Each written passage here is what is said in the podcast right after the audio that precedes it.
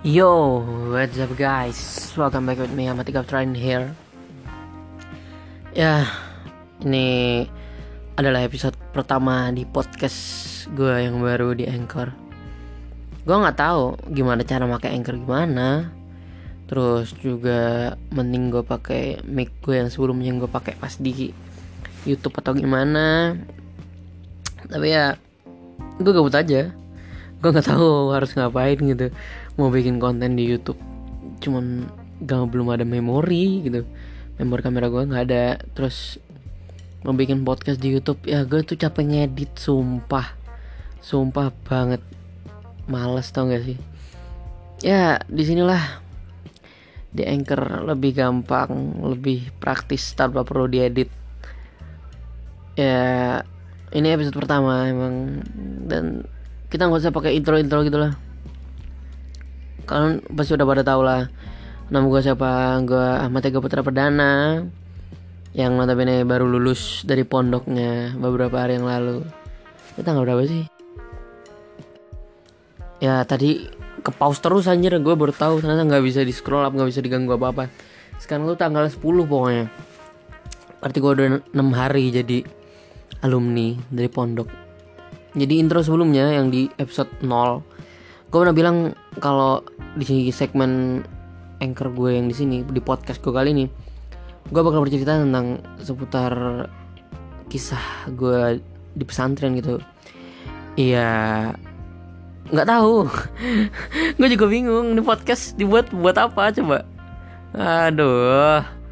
Ya intinya gue bakal cerita apa aja deh tentang keseharian gue yang sebagai alumni pondok pesantren gitu dan tadi di Instagram gue udah bikin stiker yang Q&A itu. Gue nanya anaknya buat podcast apa gitu. Terus gue udah bacain banyak banget. Ya nggak banyak banget sih. Ya banyak lah itu anggapannya.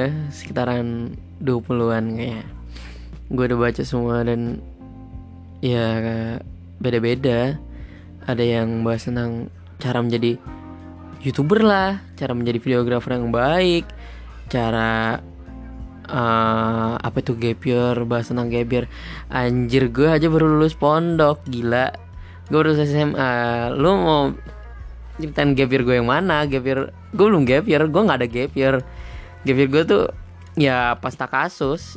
Ya pas kelas persiapan bahasa gitu di pondok and ya gue nggak tahu sekarang mau bahas apa. Cuman yang lagi kepikiran tuh bahas tentang pengalaman pengalaman di pondok sih. Ya sebenarnya banyak banget pengalaman di pondok. Cuman kali ini gue bakal bahas tentang yang seminggu gue alamin kemarin sebelum lulus. Ya jadi tuh uh, eh, gue lulus tuh tanggal 4 April.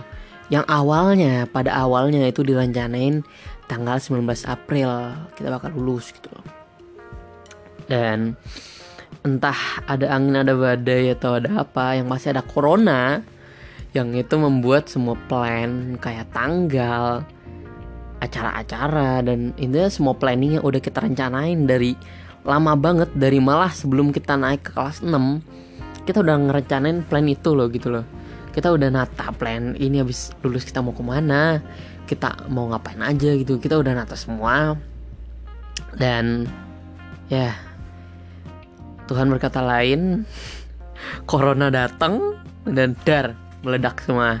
Semuanya berubah berubah total.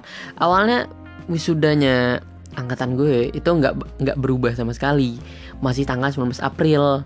Cuman kayak UN itu dihapus terus ujian kepondokan dimajuin. Habis itu USBN dihapus ganti jadi US gitu loh. Ya yang paling ngeri itu UAP sih yang langsung maju nabrak nabrak US nya yang padahal itu US-nya sisa tiga hari lagi dan akhirnya kita udah lost banget tuh.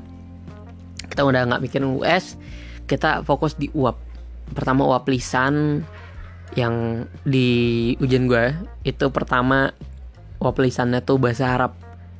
Eh pidato bahasa Arab yang what the fuck man. Gue nggak tahu bikin pidato apa gue nggak bisa bahasa Arab lancar gue cuman bisa pembukaan Hai winanaskullah ta'ala ya gitu-gitu doang yang standar ecek-ecek gitu loh. Dan itu wah untung lo boleh baca teks. Kalau enggak gue udah mampus anjir.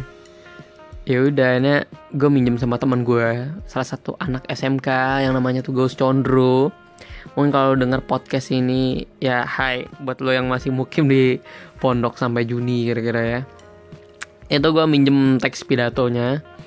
Gue minjem yang judulnya tuh intinya Rasulullah teladanku. Nah itu nggak semuanya gue salin karena itu banyak banget guys.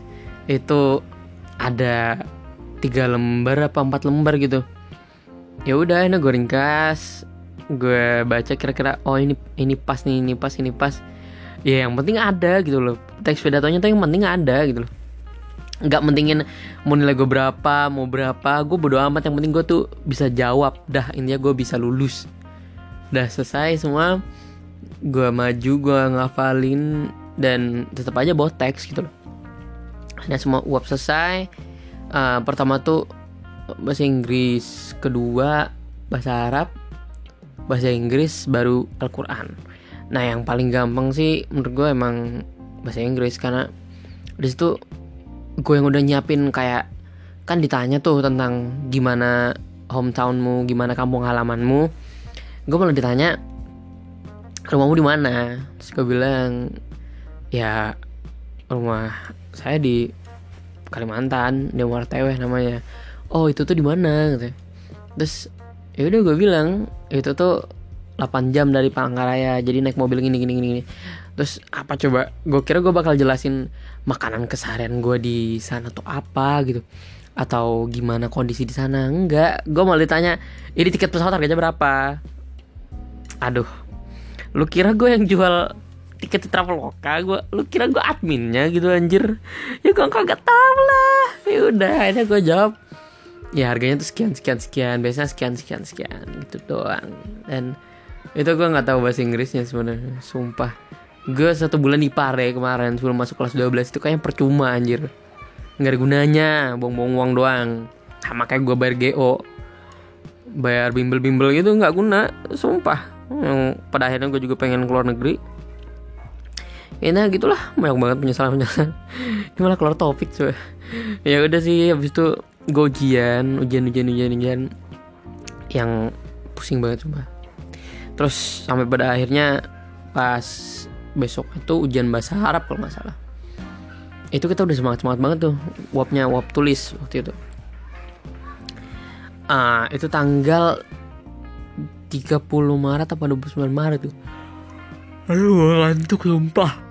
Ini sore loh jam 5 kurang. Ngantuk gila. Bis tuh ya udah ada pengumuman. Bukan pengumuman sih gue belajar di kamarnya temen gue kamar 17 yang pojok dekat gerbang gitu.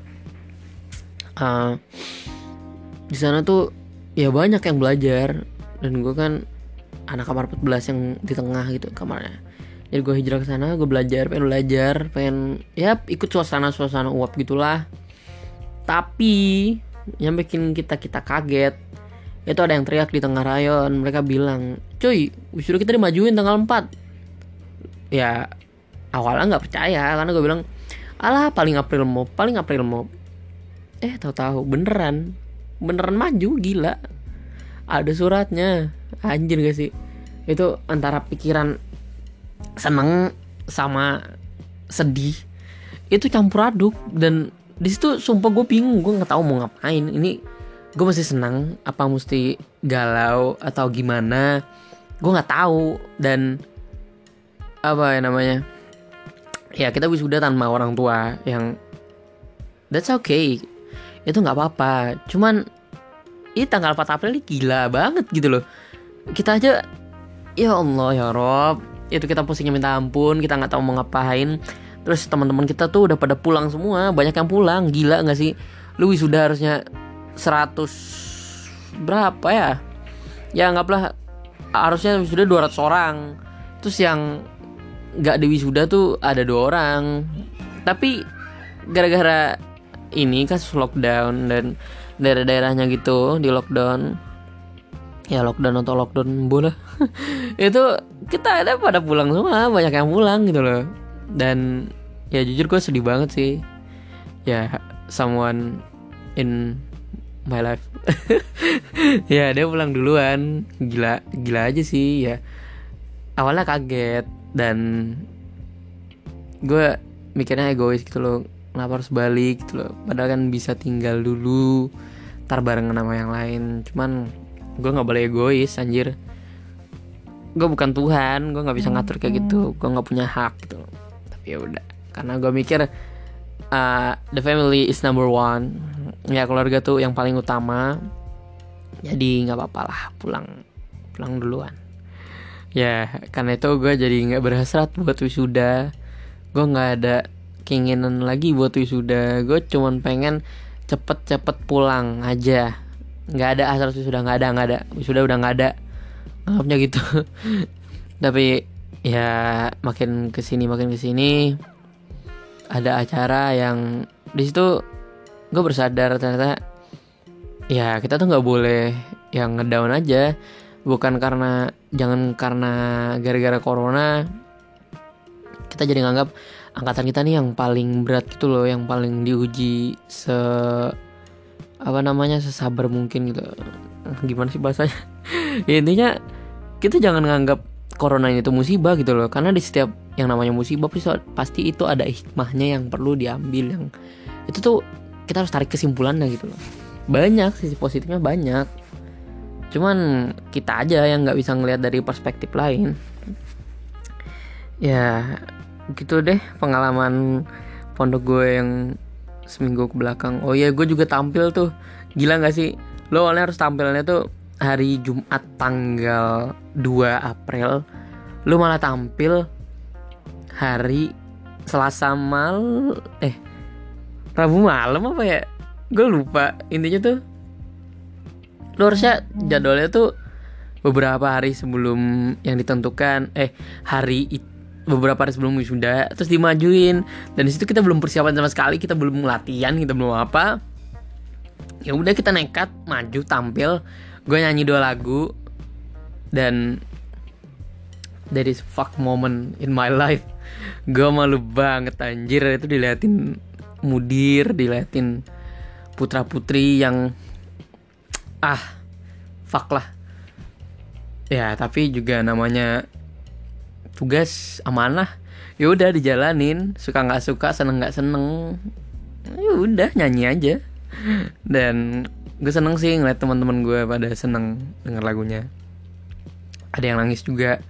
Yang awalnya gue kira nggak bakal ngeluarin air mata sedikit pun gitu. Nggak bakal sedih sama acara ini malah ketawa-tawa eh tapi malah nangis. Dan di atas panggung gue nggak bisa nangis sama sekali. Karena sehari sebelumnya gue udah nangis duluan pas nyanyi. Gue nyanyi itu sendiri gue latihan sendiri. Ya gue nangis di situ sih tapi ya udah nah kita wisuda pas tanggal 4 April. Dan di situ sudah berjalan seperti biasa. Gue tastik tiga jus yang ya nggak belakang belakang banget lah wisudanya. Dan ya oh iya. Gue remedinya uap. Eh gue uapnya remedi. Anjing gak balik. Ini gue ya uapnya remedi karena ya gue nggak terlalu niat. Jadi ya udah gitu. Gue remedi anjir. Habis itu pas di sudah ya gue nangis. Gue nangis pas di pertengahan acara. Sama pas di kumpul-kumpul terakhir gitu depan masjid pas minta maaf itu gue datang paling akhir karena gue habis foto sama adik gue di dalam gor. Dan habis pecehan sama dia juga gitu loh. Dan ya gue datang paling akhir di kumpul-kumpul itu. Yang lain udah pada nangis gue belum. Dan eh enggak ada yang lain tuh masih pada nyanyi-nyanyi gitu. Ngomong-ngomong gitu ada nyanyi-nyanyian. Dan gue datang paling akhir tapi nangis paling duluan dan paling kenceng. Gila gak sih? Anjir sebanyak apa dosa gue? Aduh gak gak Tapi ya gitu sih kenangan pondok Yang Itu tuh gak bakal terlupa sama sekali sama gue Yang kalau lo pada tahu video-video gue dulu Pas di Youtube Itu ya gue produktifnya bikin video tuh pas tak kasus lo tak kasus gitu. Masih polos banget mukanya. Sekarang udah Aduh Kebanyakan kena micin. Micinnya Indomie Cafe nih. Ya udah sih segitu dulu aja ya udah sih segitu dulu aja dari gua. Mungkin di next podcast bakal lebih tertata dari yang saat ini karena ini gue juga bikinnya sore dan ini karena gabut gue bikin episode pertama. Tapi ya semoga kalian terhibur aja lah denger cerita dari gue mungkin di next next ep, di episode episode selanjutnya ntar gue bakal nyeritain beberapa ya bukan beberapa lagi. Banyak momen gue di pondok. Mungkin sama aku bagi. Jadi beratus-ratus episode. Kalau gue nggak mager ya bikinnya. Dan doain aja gue sukses buat kuliah gue ke depannya. Semoga ntar gue bisa bikin podcast di luar negeri. Ya ya di luar negeri. Karena insya Allah gue bakal lanjut kuliah di luar negeri. Dah ini gitu aja. Jangan lupa di share podcast ini di anchor ini. Biar banyak loh yang pakai anchor. Biar banyak yang denger. Terus um, jangan lupa juga di follow sosial media gue yang sekarang cuman aktif di dua yaitu Instagram dan Twitter. Ga.putradana buat Instagram dan ga.putradana nggak pakai titik kalau di Twitter. Ya ini gitu. Cukup sekian mungkin gue bakal share juga ini di Twitter dan di Instagram gue biar banyak yang dengar gitu loh. Kenapa coba gue bikin kalau nggak ada yang denger ya kan? Nah bodoh. Ya udah sih gitu aja. Mungkin sekian dari gue tetap semangat buat jalanin hari-hari kalian. Dan ya buat yang keterima span tadi span PTKIN dan SNMPTN ya congratulations for kalian. Dan buat yang gak keterima ya udah kalian swasta aja. Atau nggak jadi TKI soalnya. Ya udah gitu aja ya. I'm in here. Sign out. Bye bye